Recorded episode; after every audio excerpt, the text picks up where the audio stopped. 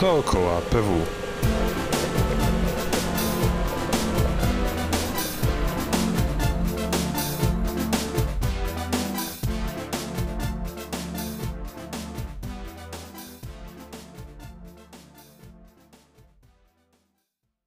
Cześć. Gościem dzisiejszego odcinka jest Weronika Dziaduch, Cześć. członek zespołu projektowego projektu rakiety hybrydowej Twardowski. Była koordynatorka sekcji rakietowej Studenckiego Koła Astronautycznego. Czym jest rakieta Twardowski? Rakieta Twardowski jest jedną z trzech y, konstrukcji, nad którymi pracujemy w sekcji rakietowej. Rakieta ta charakteryzuje się tym, że jej projekt powstał specjalnie na y, zawody Spaceport America Cup, które odbywają się w Nowym Meksyku w Stanach Zjednoczonych każdego roku i mamy nadzieję jak najszybciej się tam pojawić z tą właśnie rakietą. Ona jest ciągle w etapie y, testowania komponentów. Takie charakterystyczne cechy tej rakiety to jest to, że ma y, napęd hybrydowy, czyli oznacza to, że łączy w sobie cechy silnika rakietowego na stały materiał penny oraz silnika na ciekły materiał penny. Jest wydajniejsza niż takie silniki na stały materiał penny oraz trochę bezpieczniejsza w obsłudze i prostsza niż te naciekły. Co to tak dokładnie znaczy? Wow, nawet nie muszę pytań zadawać, które po kolei miałem zadawać, y, ale mimo wszystko po kolei. Czym właśnie jest ten stały materiał? Mhm. To tak, właśnie y, stały materiał pędny jest to odlane ziarno, najczęściej w formie cylindrycznej, może być jakieś y, na przykład z kanałem w środku i tak dalej. U nas używamy y, do tego celu polimerów i takie stałe ziarno umieszczone jest w komorze spalania. Nad komorą spalania znajduje się zbiornik z utleniaczem, jest to ta ciekła część y, silnika i cały napęd działa w ten sposób, że ten stały materiał pędny jest spryskiwany ciekłym utleniaczem i po wywołaniu zapłonu specjalnym zapłonnikiem, który znajduje się w komorze spalania, właśnie ten utleniacz razem z, ze stałym y, ziarnem materiału pędnego sprawiają, że rakieta może lecieć. A o jakich wymiarach my w ogóle mówimy? Jakiej wielkości y, docelowo jest ta rakieta? To jest największa rakieta w, w ogóle w naszej sekcji rakietowej i będzie ona mierzyła prawie 3 metry. A ile w takim razie przestrzeni zajmuje paliwo? Paliwo nie jest dość duże. Samo ziarno ma około pół metra oraz zbiornik z utleniaczem to też jest rząd około 0,7 do metra. Powiedziałeś, że na, budowany na zawody. Tak. Kiedy takie zawody się odbywają? Już wiemy, że w Nowym Meksyku się odbywają, ale kiedy i czy już też w nich startowaliście? Te zawody odbywają się co roku w czerwcu. Teraz było trochę przerwy z powodu y, pandemii. Zawody te też miały formę wtedy y, taką zdalną, że można było przedstawić po prostu swoje rozwiązania. Niestety jeszcze nie braliśmy w nich udziału, ponieważ cały czas y, jakby jesteśmy na etapie testowania. Rakieta jest skomplikowana i jakby daje nam dużo wyzwań szczególnie silnik hybrydowy, który jest pierwszym tego typu silnikiem w naszej sekcji. I to wymaga od nas bardzo dużo zaangażowania, bardzo dużo testowania, ale mamy plan uczestniczyć w tych zawodach jak najszybciej. Mówisz o testowaniu. Jak przebiega testowanie? Rozumiem, że to nie jest tak, że budujecie jedną rakietę, wystrzeliwujecie ją i sprawdzacie, mierzycie parametry, jakie tam wystąpiły i analizujecie i po czym budujecie kolejną, tylko czy elementy po kolei są? Tak jakby właśnie test lotny jest w ogóle zakończeniem y, całej budowy i takim definitywnym testem y, rakiety. Natomiast przed tym testem lotnym trzeba sprawdzić każdy z komponentów, każdy z osobna. Nasze rakiety charakteryzują się tym, że mają konstrukcję modułową. Jakby budujemy każdy z podsystemów osobno. Y, mogą one być osobno testowane dzięki temu a następnie są ze sobą skręcane i testowane już właśnie jako całość, jako cała rakieta. Przeprowadzamy takie testy właśnie poszczególnych komponentów, testujemy system odzysku, testujemy y, system wyrzucania kansatów, o którym też zaraz opowiem, oraz y, testujemy silnik. Co ciekawe, właśnie sam projekt rakiety jest nie tylko projektem tego, co leci, tylko również całej infrastruktury, która jest y, potrzebna do przetestowania wszystkich komponentów. Czy y, taka infrastruktura y, od samego początku znajdowała się na naszej uczelni? Niekoniecznie. Właśnie też jednym z naszych projektów ostatnich jest y, projekt takiej infrastruktury. Jest to kontenerowa hamownia do silników rakietowych. Projekt jest już bardzo zaawansowany i w najbliższym czasie mamy zamiar postawić taki kontener w Ośrodku Badań Lotniczych Politechniki Warszawskiej w Przesnyszu. Niedawno otwartym zresztą. Tak, dokładnie. I właśnie tam będziemy mogli testować silniki rakietowe, no co jest jakby z jednym ważniejszych elementów do przetestowania, bo silnik jest kluczowym elementem rakiety. Czyli jak rozmawiamy o projekcie rakiety hybrydowej Twardowski, to ile tak naprawdę jest podprojektów aby tutaj zrealizować e, projekt wystrzelenia rakiety? Aktualnie y, możemy powiedzieć, że jakby każdy z podsystemów jest takim małym podprojektem, ponieważ one idą troszkę swoim torem oraz właśnie całe otoczenie tak naprawdę tej rakiety, czyli stanowisko, y, stanowiska do testów. Mamy też taki dodatkowy projekt, który jeszcze nie będzie wdrożony w rakietę lotną, ale też się bardzo mocno z nią łączy, y, ponieważ jest to projekt wektorowania ciągu, tego właśnie silnika hybrydowego, oznacza to, że po prostu chcemy sterować y, rakietą w locie. Chcemy to osiągnąć w ten sposób, że będziemy manewrować komorą spalania za pomocą dwóch siłowników elektrycznych i przez to gazy wylotowe będą zmieniały swój kierunek wylotu i rakieta będzie mogła lecieć w którą stronę chcemy. A y, jak to jest z kontrolą prędkości wznoszenia na przykład? Czy to y też w przypadku tej rakiety będzie występowało, czy tutaj tylko w górę i co najwyżej zmiana e, kierunku. Co do samej prędkości lotu, y, nie będzie to y, sterowane, natomiast możemy sterować apogeum takiej rakiety, czyli jej maksymalną wysokością. Y, polega to na tym, że mm, po prostu tankujemy odpowiednią ilość utleniacza i w ten sposób manewrujemy, jak długo ten silnik będzie działał, a co za tym idzie, jak wysoko wzniesie rakietę. Tutaj też nie powiedziałam wcześniej, ale jedną z ważnych y, informacji o tych zawodach Spaceport America Cup jest to, że jedną z y, zasad tego konkursu, jedną z rzeczy, które musimy wypełnić, żeby dostać jak najwyższą ocenę, jest lot jak najbliżej określonego pułapu i u nas jest to 10 tysięcy stóp, czyli troszkę więcej niż 3 y, kilometry. Dlatego też właśnie wykorzystujemy silnik hybrydowy, ponieważ możemy manewrować tą wysokością i za pomocą specjalnych obliczeń, analiz i tak dalej określić tę ilość utleniacza, którą zatankujemy. Zanim o samych zawodach, bo tutaj cała masa pytań już mi się rodzi w głowie, ale jeszcze, jeszcze o samym mm, projekcie bezpośrednio. Czy ta docelowa rakieta to jest rakieta wielokrotnego użytku? Tak, jak już wspominałam, ona, zawiera ona system odzysku, czyli po prostu spadochron, który otwiera się po osiągnięciu apogeum przez rakietę i wtedy rakieta może sobie spokojnie i powoli wylądować na Ziemi bez uszkadzania y, jej komponentów. I każdy z tych systemów y, z założenia jest wielorazowy. Jaką powierzchnię ma płat tego spadochronu? On ma około 3 metrów kwadratowych Coś takiego. Jest około, y, około 2 na 2 metry. Spadochron jest y, szyty na bazie krzyża. A jak krzyż w takim razie i twardowski, to czy gdzieś tutaj został zawarty pakt z diabłem?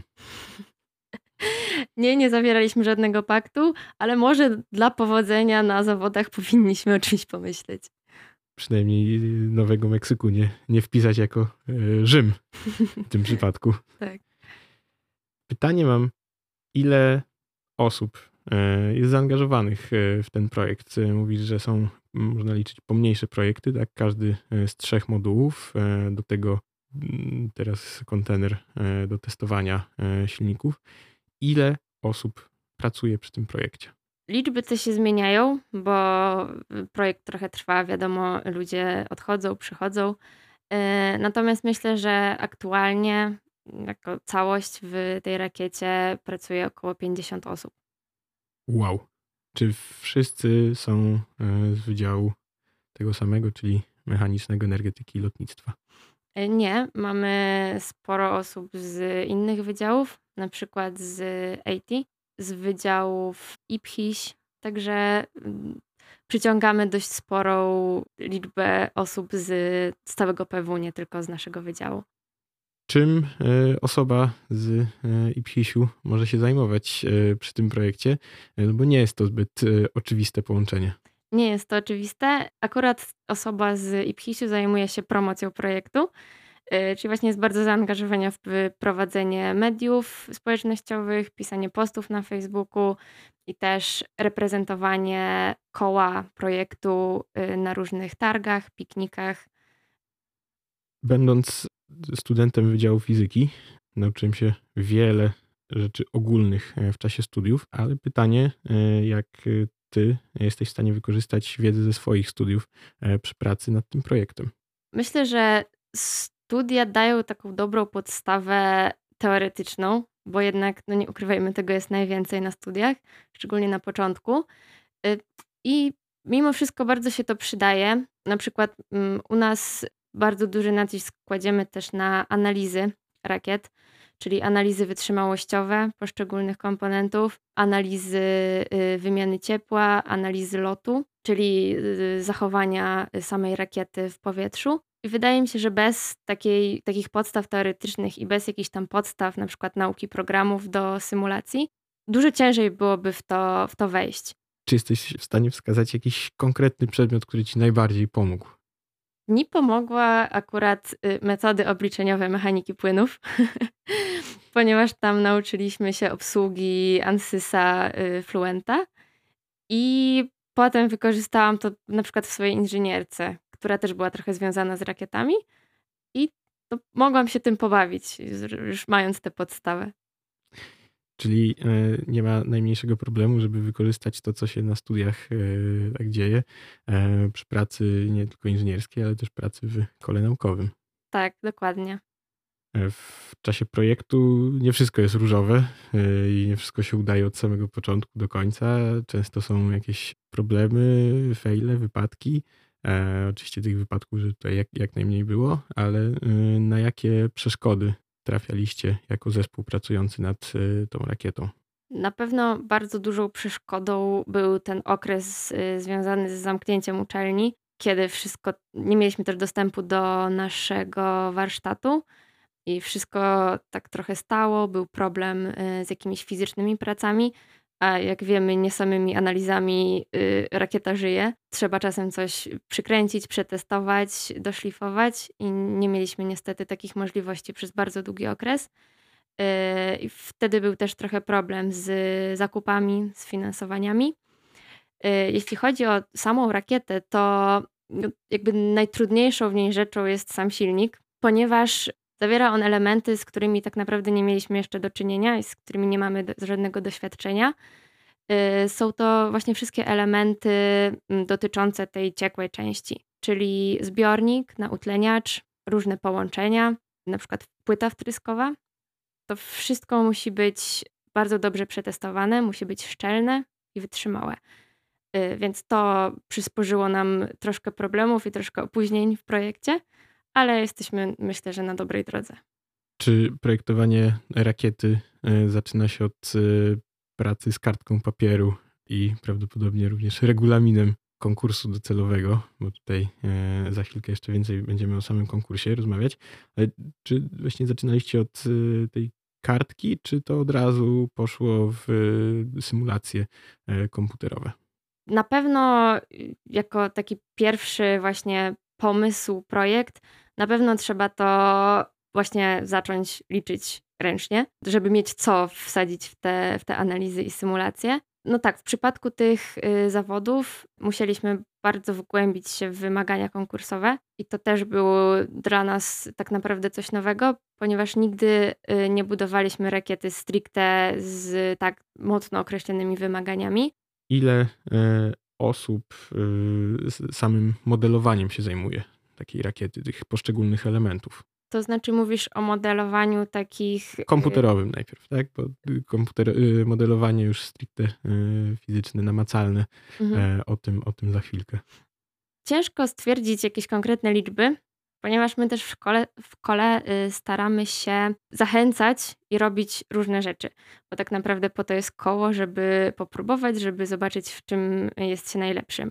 Myślę, że jak tam na początku powiedziałam, że około 50 osób się zajmuje całością projektu, no to powiedzmy tak 20-25 w porywach y, może zajmować się analizami. A później takim praktycznym wykonaniem, czy to jest jakiś majster, który wszystkie modele y, sam wykonuje, czy, czy też jest to y, większa grupa ludzi? Jeśli chodzi w ogóle o poszczególne części, to y, są one oczywiście wyko wykonywane na zewnątrz przez zewnętrzne, zewnętrzne firmy. U nas w kole również staramy się jak najbardziej pokazać też to, co powstaje, bo to jednak też motywuje do działania. Jeśli widzi się coś namacalnie, może się dotknąć tej rakiety, która powstaje. Więc staramy się zawsze zaangażować sporo osób w różnego rodzaju testy, czy w integrację y, takiej rakiety, czyli na przykład skręcanie jej ze sobą, y, skręcenie części ze sobą. Myślę, że jest to tak połowa, również trochę połowa, trochę więcej niż połowa. Ostatnio właśnie mam wrażenie, że te dwa obszary trochę się wyrównują, że tak część osób lubi i najwięcej zajmuje się analizami, tak około połowy, a ta druga połowa jest właśnie stricte mechaniczna i lubi siedzieć w warsztacie. To chyba taki najczęstszy podział na Politechnice, że właśnie tak mniej więcej połowa siedzi, siedzi przy modelowaniu, połowa siedzi przy precyzyjnym wykonywaniu e, już e, tych e, zadań, które tak naprawdę wynikają z tej wcześniejszej analizy, ale jeżeli nie mają pojęcia o tym, co tam się działo, no to też nie wykonają tego poprawnie. Było programowaniu do modelowania. Czy jeszcze jakieś specjalistyczne programy wykorzystujecie w czasie realizacji projektu? Wykorzystujemy sporo różnych programów. Na przykład y, wykorzystujemy MATLABa. On jest wykorzystywany do symulacji różnego rodzaju. W MATLABie mamy swój, swoje dwa autorskie programy, tak naprawdę. Y, jeden z nich to jest Rocket Flight Simulation, dzięki któremu symulujemy y, trajektorię lotu rakiety, miejsce jej upadku, prędkości, apogeum czyli wszystkie takie parametry, najważniejsze parametry lotu. Drugi z programów to jest y, Rocket Propulsion Analysis Tool, gdzie z kolei symulujemy proces spalania paliwa rakietowego. Zaczynaliśmy od stałych silników rakietowych implementowanych w tym programie, natomiast ostatnio też y, pracujemy nad taką wkładką dla hybrydowych silników. To są programy napisane przez y, studentów Politechniki? Tak, w całości one są właśnie pisane przez członków koła i no, one są cały czas rozwijane tak naprawdę, ale działają dość dobrze i są, są naprawdę fajne. I mm, od ilu lat już wykorzystujecie? Wiadomo, one się rozwijają cały czas, tak? Mhm. Ale y, kiedy wersja, powiedzmy, beta pierwsza powstała? Pierwsza wersja to był taki dużo prostszy program i on powstał bardzo szybko powstał naprawdę, myślę, że z 7-8 lat temu, taki pierwszy program w MATLABie. I potem wydaje mi się, że on był po prostu rozwijany, rozwijany, aż no, doszliśmy do jakiegoś takiego już naprawdę fajnego rezultatu. Czego nauczyła się w trakcie tego projektu? Mówiłaś o tym, że dużo takiej teorii e, na studiach się pojawia, a ta część praktyczna, czy jakieś szczególne umiejętności e, dzięki pracy przy tym projekcie zdobyłaś? Tak, pracowałam w tym projekcie, projektowałam y, niektóre części mechaniczne oraz optymalizowałam je y, pod względem masy, czyli oznacza to, że robiłam dla nich odpowiednie symulacje mm, za pomocą metody elementów skończonych i po prostu odejmowałam po kolei masę tam, gdzie nie jest ona potrzebna, gdzie nie, gdzie nie przenosi ona żadnych sił, gdzie nie, nie występują obciążenia. Więc tak naprawdę mogłam wykorzystać tę wiedzę właśnie zdobytą na studiach w praktyce, zobaczyć jak to się robi tak już bardziej powiedzmy profesjonalnie. To co najfajniejsze, to mogłam zobaczyć taki element wykonany, po prostu wykonany, mogłam go dotknąć, zobaczyć, nie tylko to co widziałam na ekranie komputera. Dużo się zajmowałam taką częścią powiedzmy papierkową projektu, co też sporo mnie nauczyło takiego cierpliwości. To na pewno. To chyba jest rzecz, która najczęściej się pojawia, jak roz, zaczynamy rozmawiać o tej stronie papierkowej tak. projektu, że to y, przede wszystkim uczy cierpliwości. Dokładnie. Ale też takiego uważnego podejścia do, do wszystkiego, mm, do właśnie do, do tego, co przesyła się dalej, jakie dokumenty się wypuszcza i też jak ładnie ubierać w słowa to, co robimy. A ty powiedziałaś o tej optymalizacji, tak mm, nasunęło mi się takie pytanie, czy optymalizowanie materiałowe to jest w tym przypadku zawsze dążenie do tego, żeby masa e, tych elementów była jak najmniejsza. Tak, dokładnie. Jak wiemy, rakieta musi lecieć, więc masa jest tutaj jakby kluczowym elementem oraz dobry rozkład tej masy wzdłuż długości tej rakiety, bo to też ma znaczenie. Kwestia rozłożenia masy zaczęła mnie tutaj zastanawiać, właśnie, że mhm.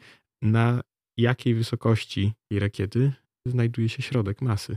I startowej, a później już po, po całym e, wypaleniu całego paliwa. Środek masy znajduje się na dole stosunkowo i do tego właśnie dążymy. Znajduje się on gdzieś w okolicach silnika. Nie powiem teraz dokładnych y, wartości. Potem w trakcie lotu, kiedy silnik się spala, to kiedy materiał penny y, jest spalany, to środek ciężkości przenosi się troszkę wyżej. Natomiast musimy jakby brać pod uwagę wszystkie możliwości oraz pamiętać, żeby właśnie, żeby rakieta miała odpowiednie, y, odpowiednie rozmieszczenie tej masy, żeby była stateczna. Zawody, do których ta rakieta powstaje, odbywają się w Nowym Meksyku. Zapewne będzie też e, troszeczkę inny skład chemiczny atmosfery. Czy to ma duży wpływ w przypadku tej różnicy między e, właśnie Polską a Stanami Zjednoczonymi na y, rakiety? Dla tego typu rakiety oraz tak niedużych wysokości nie ma to jakiegoś dużego wpływu. Y, większy wpływ ma temperatura, ponieważ tam na pewno będzie ciepło. Musimy jakby zatroszczyć się o to, żeby y, utleniać, żeby silnik nie miał po prostu zbyt wysokiej temperatury. Czyli do samego końca trzeba będzie utrzymywać y, w warunkach wcześniej ustalonych i później e, do samego zapłonu doprowadzić już w tych samych warunkach, które e, wcześniej sobie założycie, tak? Dokładnie. Co najbardziej zaskoczyło Ciebie e, w trakcie realizacji e, projektu rakiety hybrydowej Twardowski? E, zaskoczyło mnie to, jak wiele różnych aspektów łączy taka rakieta, jak wiele różnych rzeczy można w niej robić. Właśnie od projektowania systemów, poprzez projektowanie jakichś połączeń elektronicznych, po analizy różnego rodzaju oraz to, jak bardzo trzeba patrzeć na całość w takiej rakiecie, żeby potem ona mogła prawidłowo zadziałać. Tutaj właśnie doskonałym przykładem są połączenia elektroniczne, o które trzeba się martwić tak naprawdę od samego początku projektowania, ponieważ muszą one przejść przez całą rakietę i po prostu musi być zrobione na nie odpowiednie miejsce. No i też y, muszą pewnie wytrzymać temperaturę, która, która będzie wewnątrz tak, tak. rakiety, szczególnie w pobliżu komory spalania. Tam za dużo y, kabli nie ma, ale, ale tak, tak, muszą być wytrzymałe. Czym różnią się w takim razie takie kable, albo jak są izolowane y, względem zwyczajnego kabla, który e, możemy spotkać e, w ścianie? Niestety ja z elektroniką nie za dużo mam wspólnego, dlatego ciężko mi jest odpowiedzieć na to pytanie. No to myślę, że y, ja na pewno E, będę starał się e, doczytać w takim razie. E, coraz, coraz bardziej mnie i projekt, i samo zagadnienie tworzenia rakiet zaczyna interesować. Powiedzieliśmy o pakiecie z diabłem. Twardowski podpisał pakiet z, z diabłem, aby wszystko mu wychodziło, tak aby prowadzona przez niego szkoła czarodziejstwa odnosiła sukcesy, ale w historii Twardowskiego były też wypadki, gdzie w rakiecie takiej są zagrożenia co się może po prostu nie udać na sam koniec? No cóż, tak naprawdę nie udać się może bardzo sporo. Sama rakieta może na przykład nie odpalić, może nie polecieć.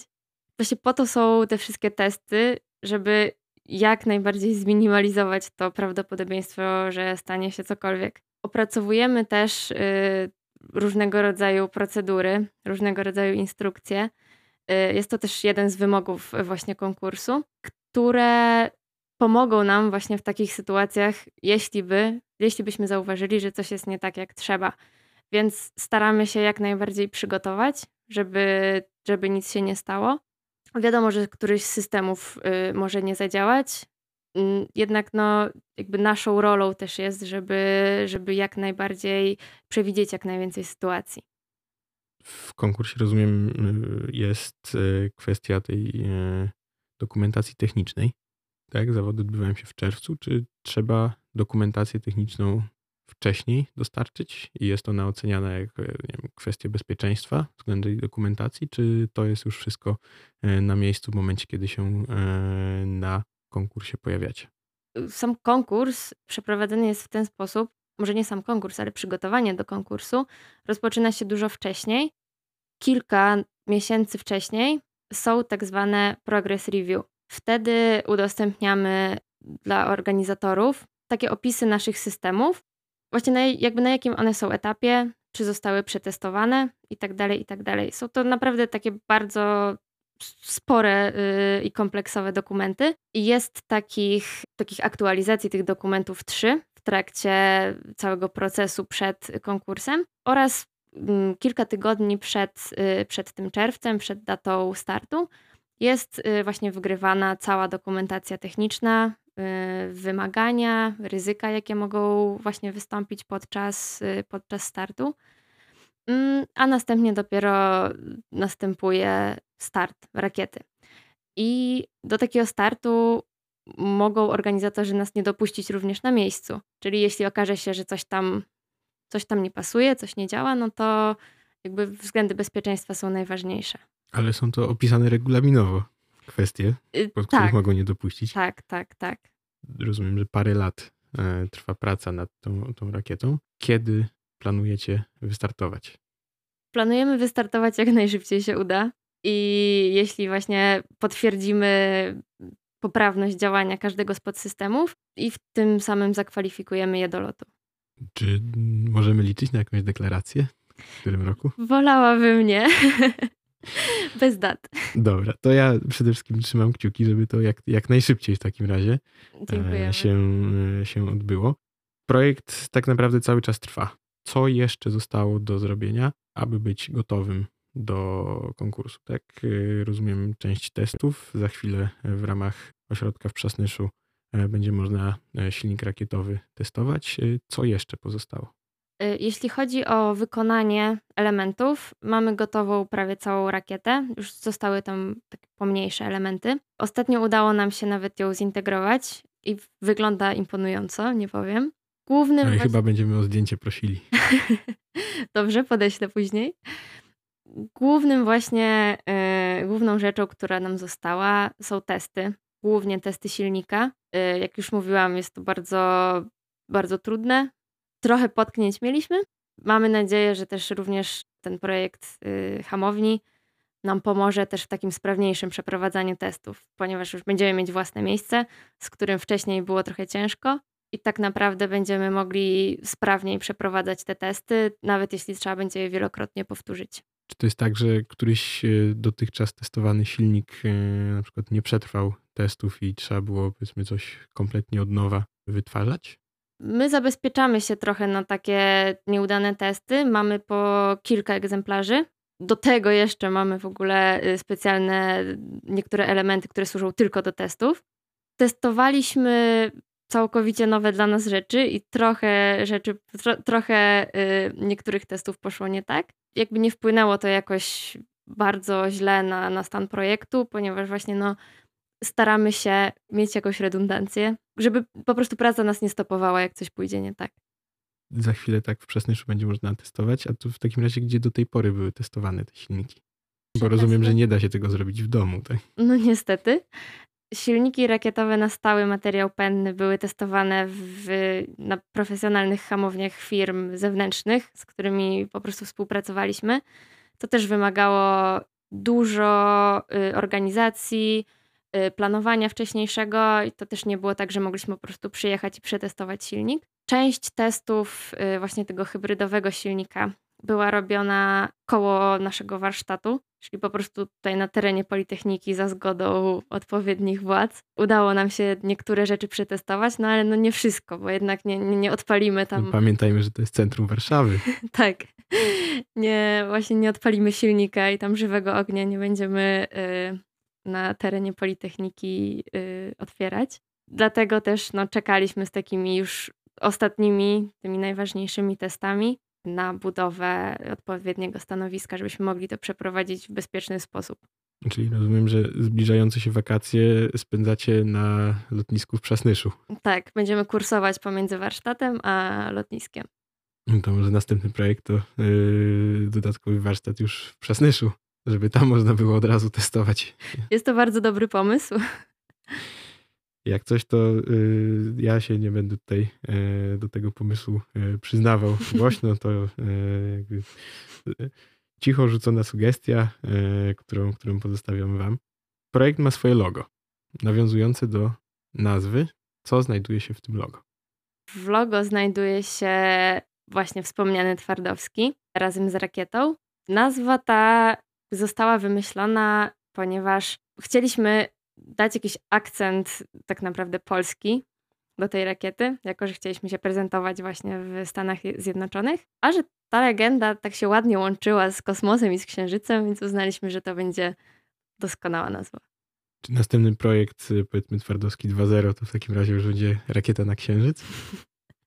Są plany na, na Twardowskiego 2.0, ale myślę, że z księżycem jeszcze poczekamy. Y, czy są już konkursy takie, żeby tam na księżyc lecieć?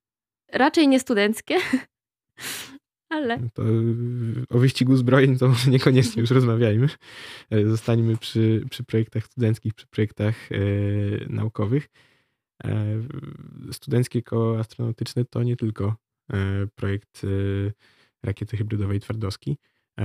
Jakie jeszcze projekty też są realizowane przez SKA? W samej sekcji rakietowej y, rozwijamy obecnie trzy rakiety. Jedna z nich to jest Twardowski, o którym mm, opowiadam. Y, druga z nich to jest rakieta FOK, mm, która y, ma być rakietą sterowaną. Trzecią rakietą jest rakieta GROT. Jej celem jest wzniesienie się na jak najwyższy pułap. Oprócz sekcji rakietowej, w której ja jestem, której ja jestem członkiem, mamy również sekcję robotyczną, która zajmuje się łazikami. Obecnie jest to łazik Sirius 2, który już wielokrotnie startował na różnego rodzaju zawodach międzynarodowych i odnosił już spore sukcesy. Członkowie sekcji, sekcji robotycznej budują również małe łaziki, które są niejako platformą testową do już, już takich większych konstrukcji. Oprócz tego y, sekcja balonowa zajmuje się różnego rodzaju eksperymentami wynoszonymi przez y, balony stratosferyczne. I także pracujemy nad projektem PWSAT 3, który jest y, jak sama nazwa wskazuje, trzecim y, tego rodzaju satelitą studenckim wytwarzanym przez nasze koła. Wspomniałaś o systemie wyrzucania CANSAT. Poza tym, że wiem, co to jest y, system, wiem, co to jest wyrzucanie, ale co to jest CANSAT? Kansaty są to małe eksperymenty naukowe. Nazwa wzięła się od tego, że są one w kształcie i rozmiarze puszki po napoju. I właśnie rakieta Twardowski jest w stanie wynieść tego typu eksperymenty na odpowiednią wysokość i tam je wypuścić. Nasza rakieta y, może wypuścić 4, y, 8 takich y, eksperymentów. Jeden z nich y, bada przykładowo skład atmosfery, czyli pył w powietrzu. Drugi mm, będzie mógł y, testować system sterowania spadochronu. Właśnie y, takich kansatów będzie po dwa każdego rodzaju w naszej rakiecie i będą one e, wyrzucane po osiągnięciu przez nią apogeum. Czy jest to też e, element e, konkursu? Tak, mm, jest to element konkursu. Natomiast w konkursie wymagają troszkę innych wymiarów takich satelitów. Wymagają CubeSatów, czyli po prostu satelit w innym kształcie, o wymiarach kostki 10 na 10 na 10 cm. I jest to też jedna z takich rzeczy, które chcemy w przyszłości usprawnić w naszej rakiecie, czyli wymienić te kansaty na CubeSaty. A y, czy PWSat nie jest y, y, CubeSatem? Tak, Dobrze dokładnie. PWSat 3 to jest mm, właśnie satelita zbudowany z trzech takich CubeSatów połączonych ze sobą. Czyli mm, kiedyś docelowo będziecie mogli własnym sumptem e, PWSata e, numer N e, bądź N plus 1 wysłać własną rakietą. Tak, jeśli Twardowski będzie potrafił osiągać takie wysokości, to czemu nie? No to mamy bardzo dobry cel, który e, można sobie wyznaczyć. Oczywiście warto gdzieś tam po drodze e, pomniejsze cele też, e, też wyznaczać, ale no myślę, że taki duży, duży cel jest tutaj bardzo, bardzo ciekawy do wyznaczenia. Tyle projektów, to ile osób jest w kole? Obecnie mamy równo 200 członków w całym wow. kole, więc jest to naprawdę bardzo duża liczba. To prawie, że pół Wydziału Fizyki. tak, i bardzo spora część y, Wydziału MEL, także naprawdę jest to duże też wyzwanie organizacyjne i również dla zarządu koła, żeby to wszystko spinać. No to całkiem duża organizacja i jeżeli tutaj mm, wszyscy są w to faktycznie zaangażowani, no to nic tylko czekać na, na sukcesy, na można powiedzieć wysokie, a nawet bardzo wysokie osiągnięcia e, działalności e, waszego koła. Gdzie e, możemy się dowiedzieć o tym, co robicie? Czy media społecznościowe, jakieś strony internetowe?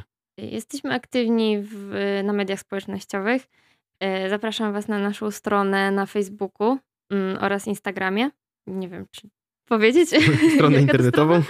Strony internetowe niestety aktualnie trwają nad nią prace, więc na, obecnie jest nieczynna, ale właśnie zapraszam na Facebooka Studenckie Koło Astronautyczne.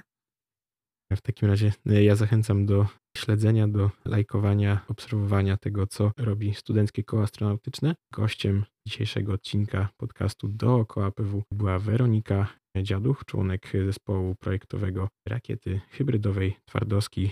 Zespół tworzący podcast Dookoła PW to Julia Janiszewska z Rady Kół Naukowych, Michał Daniluk z Radioaktywnego, Ula Szczepankowska-Bednarek i Agata Żak z działu rozwoju innowacyjności młodych naukowców. Realizatorem dzisiejszego odcinka jest Robert Olczyk. Ja nazywam się Adam Olesiński i bardzo dziękuję za wysłuchanie podcastu dookoła PW.